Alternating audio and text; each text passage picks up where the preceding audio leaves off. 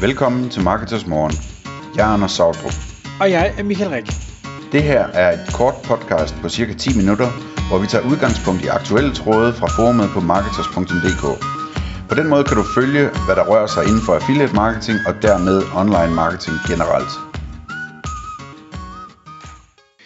Hej og velkommen til Marketers Morgen podcast. Klokken den er 06.00, og i dag der har jeg hævet Ole Gregersen fra optuner ud af dynerne. Godmorgen Ole. Ja, godmorgen. Den er hård at komme tidligt op, men øh, jeg tror, det er det er værd. Det, og det er sundt, har jeg hørt. Jeg har også gjort, det, ja, siger mine øh, børn også. jeg har gjort det mange gange nu, og det har ikke virket, men jeg tænker, det kommer nok en dag. Absolut.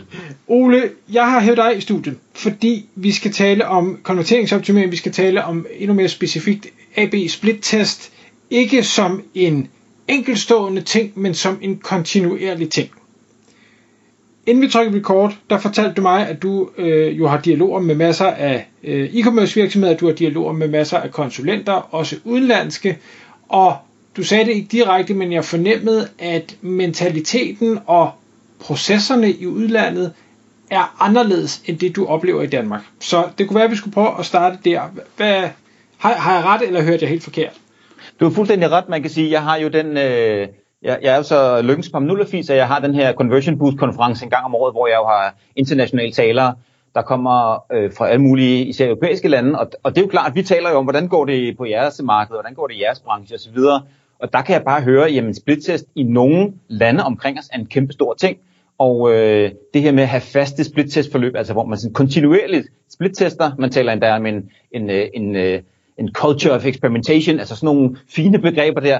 Og så tænker jeg, det, det er sjovt, vi har det ikke helt på samme måde i Danmark. Vi er et land, Danmark og Norge faktisk sjovt nok, er to lande, hvor et konverteringsoptimering, men især det her med at have de her fortløbende optimeringsprogrammer, det er ikke noget, der er, er særlig udbredt. Og det undrer mig egentlig meget, fordi vi har masser af virksomheder, der kunne forstå øh, glæde af det. Men når vi kigger til udlandet, så kan vi se på især Sverige og især Holland. Og det er også fordi, man har nogle store, flotte virksomheder i Holland. Det ved jeg godt, Booking.com og sådan nogle der. Ikke? Øhm, men det er nogle af de lande, hvor de virkelig har, har styr på det. Så jeg mener, ja, du har fuldstændig ret. Vi er bagud her i Danmark. Der er et kæmpe potentiale for en masse virksomheder, som slet ikke har kigget ind i det her med at køre de her test øh, simpelthen som en, en, en, en fast proces. Og, og jeg synes, det er interessant igen også, nu ved jeg godt, at, øh, at vi startede tiden, vi nåede dog lige at slutte lidt inden. Du siger, at du, har, øh, du vil gerne blive ved at slå på tromme, og har slået på tromme for, for den her kontinuerlige øh, split-testing øh, proces gennem mange, mange år. Vi er også enige om, at alle siger, at konverteringsoptimering, det er en no-brainer, altså det, det ligger alle genkendende til, og alligevel sidder vi 15 år inden eller mere og ja. synger den samme sang. Ja, og der er nogle ting, der har ændret sig på det marked, som jeg synes, det, der, det gør det relevant at, ligesom at, at slå på trummen en gang til. Fordi konverteringsoptimering og growth hacking og de her begreber, som, som vi alle sammen kender så godt, vi forstår dem godt, og, og vi har diskuteret i overvis, hvorfor bruger virksomhederne ikke flere penge på de her ting.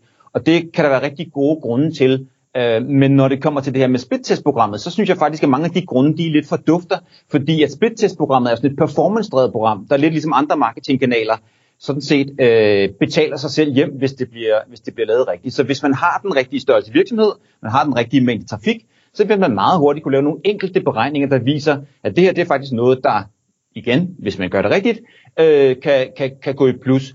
Så bare for at sige, at det er ikke den samme sang, der er blevet sunget alle 15 år, øh, men det er rigtigt, at det, du spørger til, hvorfor er det, det ser sådan her ud i Danmark, og det tror jeg kan, blandt andet kan være, simpelthen kan være noget kultur, øh, den, den måde, vi, vi arbejder på. Og så tror jeg med konverteringsoptimering, at det har været sådan, at man, man har tænkt, jamen det er også rigtigt, det skal vi, men før man får kigget sig om, så skal man inddrage alle mulige udviklere og forskellige afdelinger i virksomheden.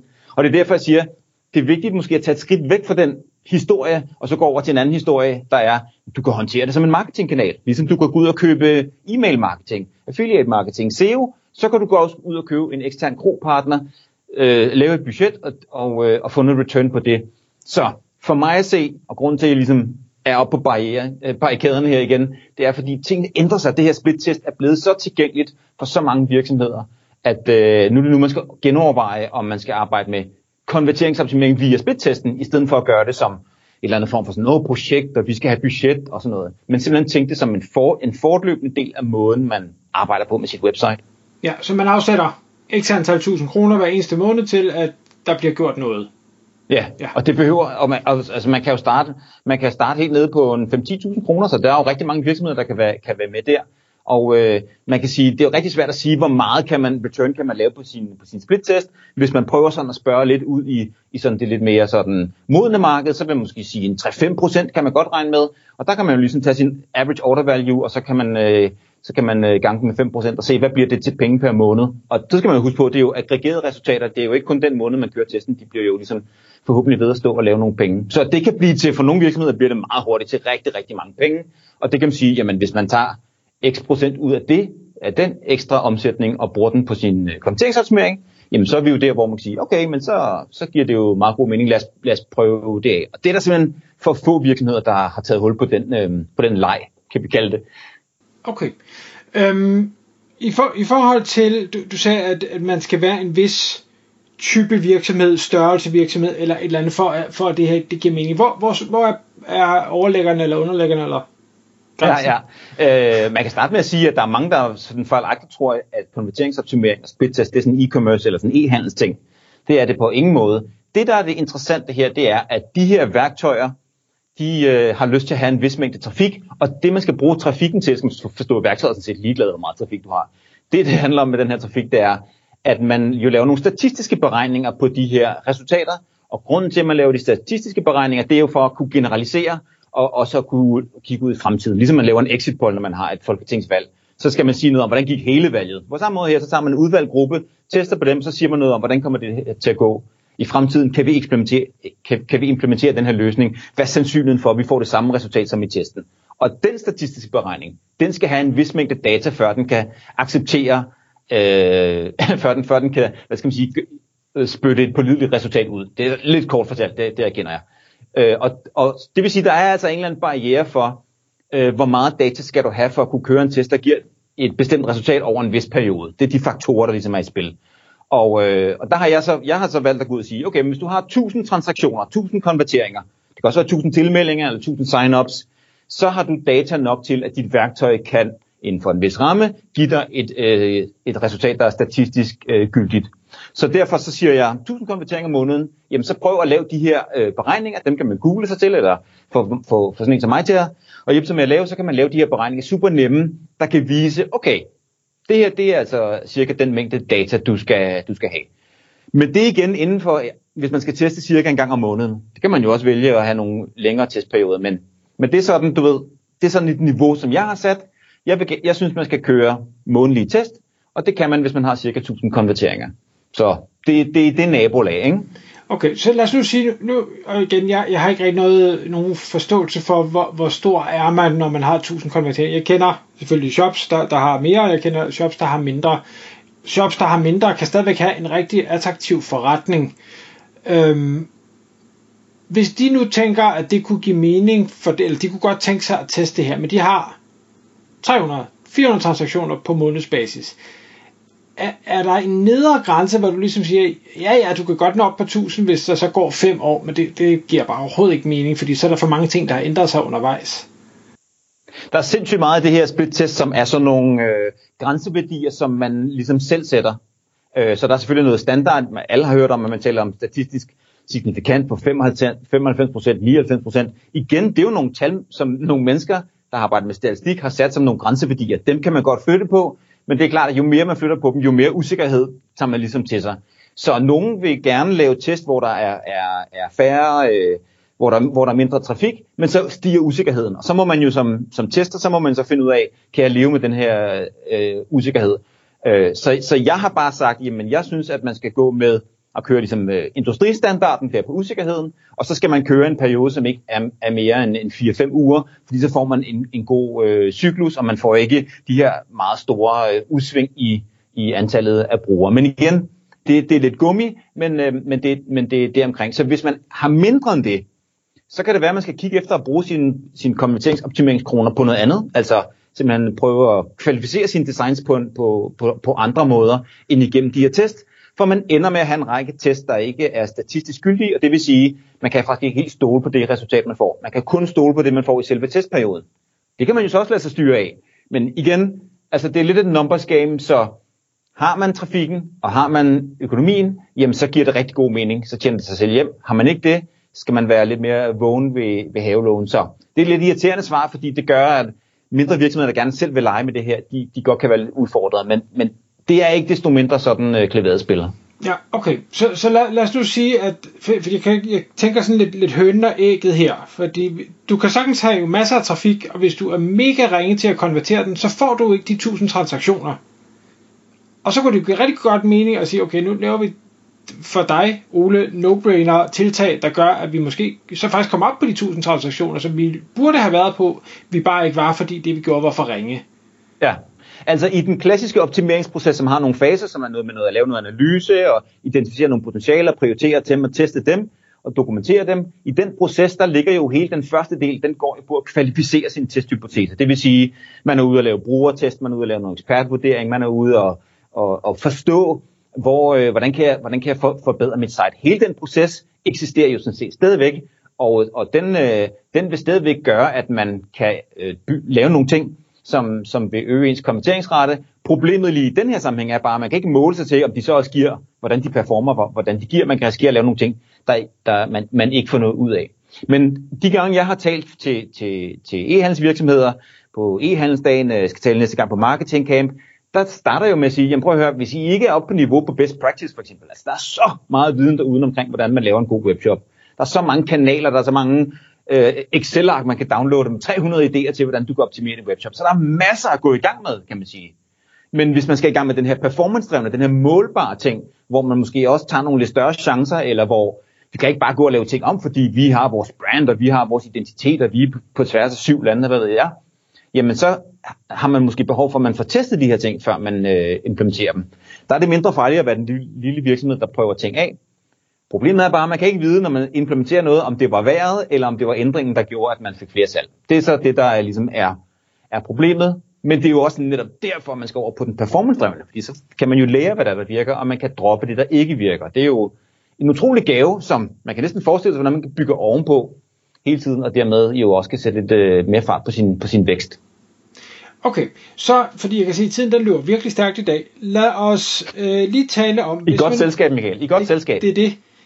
Lad os ja. nu sige, at øh, man tænker, det her det lyder interessant, og du har ret, Ole, vi, vi burde gøre det her som en kontinuerlig ting, afsætte nogle ressourcer til det.